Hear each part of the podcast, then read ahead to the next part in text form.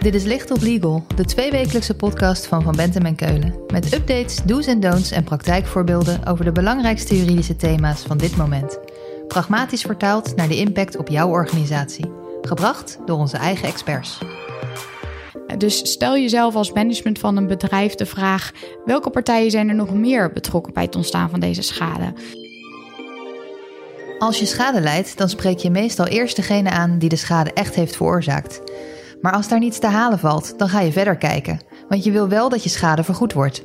Bedrijven en overheidsinstellingen hebben hier steeds vaker mee te maken. Aansprakelijk gesteld worden voor schade die zij niet zelf hebben veroorzaakt, maar waarvan degene die eronder lijdt zegt: je was er wel verantwoordelijk voor, dus betalen maar. Maar kan dat wel zomaar? Op deze zogenaamde secundaire aansprakelijkheid promoveerde Kirsten Maas afgelopen oktober. En daarover praten we met haar in deze Licht op Legal. Ze stelt zich even voor. Mijn naam is Kirsten Maas. Ik ben advocaat op de praktijkgroep Commercial Contracting en Dispute Resolution, waar ik adviseer, maar met name procedeer op het gebied van het contractuele en buitencontractuele aansprakelijkheidsrecht. En daarnaast ben ik als docent verbonden aan de Universiteit Utrecht en verzorg ik diverse lezingen en cursussen over het aansprakelijkheidsrecht. En bij diezelfde universiteit was Kirsten dus de afgelopen vier jaar promovenda, waar ze onderzoek deed naar secundaire aansprakelijkheid. Kortom, Kirsten is de go-to person als het gaat om aansprakelijkheidsvraagstukken om af te trappen. Kirsten, secundaire aansprakelijkheid. Wat is dat eigenlijk? Ja, je zei het al kort in de introductie. Secundaire partijen worden aansprakelijk gesteld voor schade die een andere partij, dus de primaire partij, heeft veroorzaakt. Secundaire partij wordt dus in essentie verweten dat zij onvoldoende toezicht heeft gehouden of onvoldoende voorzorgsmaatregelen heeft getroffen. Um, en uh, dat daardoor de schade in het leven geroepen is door die derde partij. Dus het gaat in essentie vaak om nalatig handelen.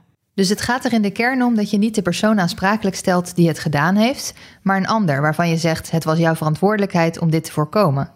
Hoe ziet dat er dan uit? Kun je daar eens een voorbeeld van geven? Ja, um, een voorbeeld, een recent voorbeeld ook in de rechtspraak van de afgelopen jaren vormt het schietincident in Alfa aan de Rijn. Daar werd de politie aansprakelijk gesteld voor ten onrechte verstrekken van het wapenverlof aan Tristan van der Vee, uh, de schutter. Um, Terwijl de politie dus niet de primaire veroorzaker van de schade was, maar werd dus wel aansprakelijk uh, en dus verantwoordelijk gehouden uiteindelijk voor uh, een deel van de schade die door uh, Tristan van der Veen in het leven werd geroepen. Oké, okay, dit gaat dus om de overheid. Dat klinkt ook logisch, die hebben vaak een toezichthoudende rol. Wat is een voorbeeld uit het bedrijfsleven? Um, denk bijvoorbeeld recent nog aan het wielrenongeval van Fabio Jacobsen.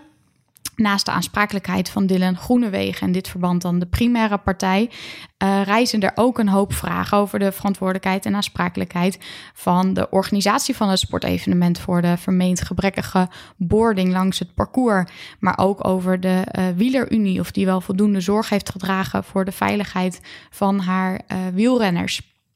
Dus we zien eigenlijk naast die overheidsinstellingen vandaag de dag in toenemende mate ook private of semi-private partijen die in rechten worden betrokken vanwege schade direct veroorzaakt uh, door iemand anders. Toch, in je beide voorbeelden zijn het heel erg publieke settings. Waar speelt dit nog meer?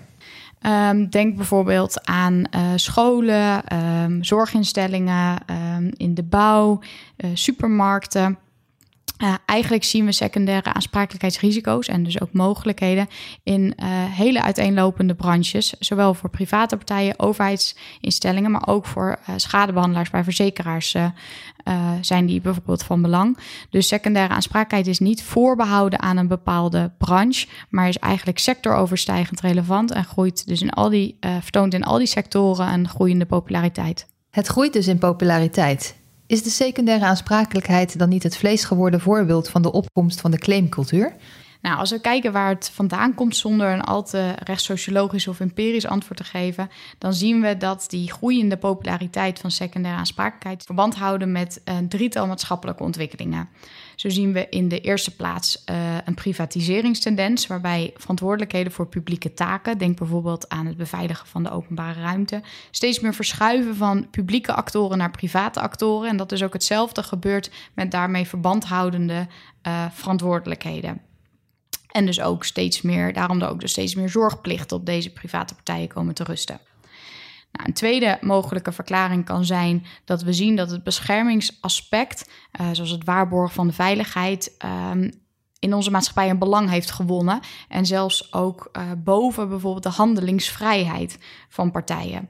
Nou, in de maatschappij waar dit doel steeds meer uh, voorop komt te staan, een belangrijker rol krijgt toebedeeld, zal er dus ook relatief meer aandacht zijn voor verantwoordelijkheden en zorgplichten van toezichthoudende partijen. En in de derde plaats, ja, je noemde het al, uh, zien we inderdaad ook een algemene ontwikkeling waarbij benadeelde partijen geleden schade steeds vaker pogen te verhalen op verder verwijderde derden. Dus uh, partijen zijn steeds minder bereidwillig om hun eigen schade te dragen. En in toenemende mate wordt dan dus ook gezocht naar mogelijkheden voor de verplaatsing daarvan. En dat is dan wat uh, jij aanduidde als de claimcultuur. Precies. Maar als mensen en bedrijven steeds minder hun eigen schade willen dragen en meer neerleggen bij anderen, is het dan niet veel makkelijker om gewoon degene die de schade heeft veroorzaakt aan te spreken?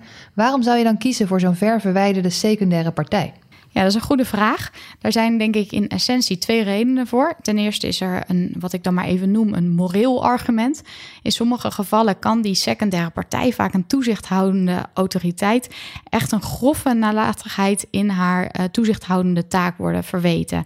En dan uh, vindt de benadeelde dus ook echt dat het terecht is dat zo'n secundaire partij, uh, spreekwoordelijk gezegd, op de blaren moet zitten.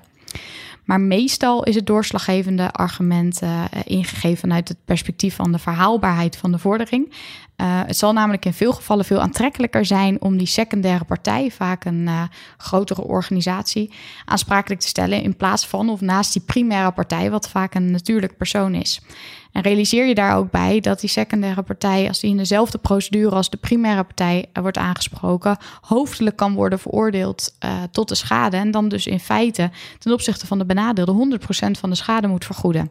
Dus eigenlijk is dit een fijn trucje om alsnog je geld te krijgen voor de schade als degene die het gedaan heeft het niet kan betalen. Zeker als die secundaire partij voor 100% van het bedrag kan opdraaien. Dat ligt iets genuanceerder. Uh, voor secundaire aansprakelijkheid is wel benodigd dat de secundaire partij een zogenaamd zelfstandig verwijt treft dat in verband staat tot de schade. Het is een schuldaanspraakelijkheid, geen risicoaanspraakelijkheid. En dat betekent dat wel vast moet komen te staan dat de secundaire partij zelf wat fout heeft gedaan. Dus zij moet, en dat uh, is dan juridisch gezegd, wel een contractuele of uh, buitencontractuele zorgplicht hebben geschonden die in enig relevant verband staat tot de schade. Dus de aansprakelijke partij had wel op de een of andere manier moeten kunnen ingrijpen. Ja, plat gezegd, er moet dus wel vast komen te staan en door zo'n benadeelde partij dan ook worden bewezen dat die secundaire partij wat fout heeft gedaan. En je ziet in de beoordeling van die secundaire aansprakelijkheid dat de rechter dan vooral ook inzoomt op wat we dan noemen de voorzienbaarheid van de schade.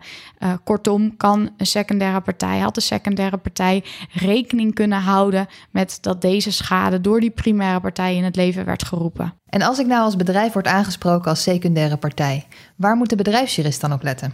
Nou, het begint eigenlijk al een stapje eerder. Um, dus voor al die partijen in die verschillende sectoren die aan bod kwamen, is het van belang om je bewust te zijn in elk geval dat op jou niet alleen een zorgplicht rust jegens bijvoorbeeld jouw directe contractspartij, maar dat je ook een zorgplicht kunt hebben jegens derden die uh, voor het gedrag van een andere partij die op enige wijze onder jouw hoede is of waar je op enige wijze verantwoordelijk voor kunt zijn. Uh, dus ik zou vooral zeggen, zoek de secundaire aansprakelijkheidsrisico's per specifieke branche of uh, sector op. En uh, bekijk hoe je zo goed mogelijk aan die verantwoordelijkheden beantwoordt. Door bijvoorbeeld ook hele goede en concrete afspraken te maken met de partijen waar je wel direct mee van doen hebt. Maar je zou ook kunnen zeggen dat het beter is om helemaal niets vast te leggen. Want dan kan ik in ieder geval altijd zeggen: ik wist het niet. Ja, dat zou je misschien zeggen, maar zo werkt het natuurlijk niet helemaal. Uh, of eigenlijk helemaal niet. Je hebt natuurlijk als um, professionele partij uh, die een bepaalde verantwoordelijkheid naar zich toetrekt, uh, ook de verplichting om aan die verantwoordelijkheid te beantwoorden. Dan wel omdat je dat dus contractueel hebt gedaan, dan wel omdat in het maatschappelijk verkeer bepaalde verantwoordelijkheden op jou rusten. Daar kan je niet voor wegkijken. Um, dus ik zou ook altijd zeggen: trek ze juist naar je toe. Definieer en concretiseer waar jouw verantwoordelijkheid begint, maar vooral ook eindigt. En leg dat dan dus juist wel neer in contracten, verslagen, andere correspondentie, zodat je er later op kunt beroepen. Want doen alsof je neus bloedt heeft uh, meestal weinig zin. Oké, en het omgekeerde geval. Stel, ik ben een gedupeerde ondernemer, dan biedt dit kans om mijn geld terug te krijgen. Als ik wil instappen op de secundaire aansprakelijksteltrein, waar moet ik dan op letten? Zoals je terecht zegt, we hebben het net gehad over aansprakelijkheidsrisico's, maar er zijn natuurlijk ook secundaire aansprakelijkheidsmogelijkheden. Dus stel jezelf als management van een bedrijf de vraag: welke partijen zijn er nog meer betrokken bij het ontstaan van deze schade? Want ik zei al even kort, het is namelijk best wel eenvoudig om naast die primaire partij in dezelfde procedure, in dezelfde dagvaarding ook een secundaire partij in rechten te betrekken. En dat kan zeker de moeite lonen op het moment dat je bang bent dat je ehm, schade op die primaire partij niet kunt verhalen. En wat is nou de essentie van secundaire aansprakelijkheid? Wat moet ik echt weten? Ja, het zijn dus in essentie drie dingen. Eén, anticipeer op secundaire aansprakelijkheidsrisico's door het beestje eigenlijk als zodanig ook te kwalificeren. Twee, en dus andersom, bekijk de mogelijkheden tot uh, aansprakelijkheidsstelling van verder verwijderde derden, zoals een uh, secundaire partij. Helemaal als je met verhaalsproblemen kampt ten opzichte van je primaire partij. En ten derde, als je dan eenmaal in die aansprakelijkheidsprocedure bent beland, um, zorg dan dat je um, de aansprakelijkheid van die secundaire partij identificeert en dat je je onderbouwing of verweer daarop afstemt. Dus je kan er niet van uitgaan dat de rechter met een in het maatschappelijk verkeer werkt het zo argument jouw claim eventjes rondmaakt. Nee, zorg dat je jouw uh, vordering, of de onderbouwing van jouw vordering, dan wel de onderbouwing van jouw verweer, eigenlijk spelt en pasklaar aanreikt. Zodanig dat een rechter bij wijze van spreken copy-paste kan doen op basis van jouw uh, onderbouwing. Um, en realiseer je dat uh, de secundaire aansprakelijkheidsproblematiek uh, echt best wel uh, complex is. Dus zeker bij deze figuur is volledigheid echt troef. Kirsten, als we meer willen weten, waar kunnen we je dan bereiken? Dan kun je me natuurlijk altijd bellen of mailen op kirstenmaas.vbk.nl. Dit was Licht op Legal, een podcast van Van Bentem en Keulen. Te beluisteren via Spotify, Apple Podcast of je eigen favoriete podcast-app. Wil je meer weten? Heb je suggesties voor een onderwerp? Of wil je dat onze experts hun licht laten schijnen op jouw juridisch vraagstuk? Laat het ons weten via vbk.nl/slash lichtoplegal.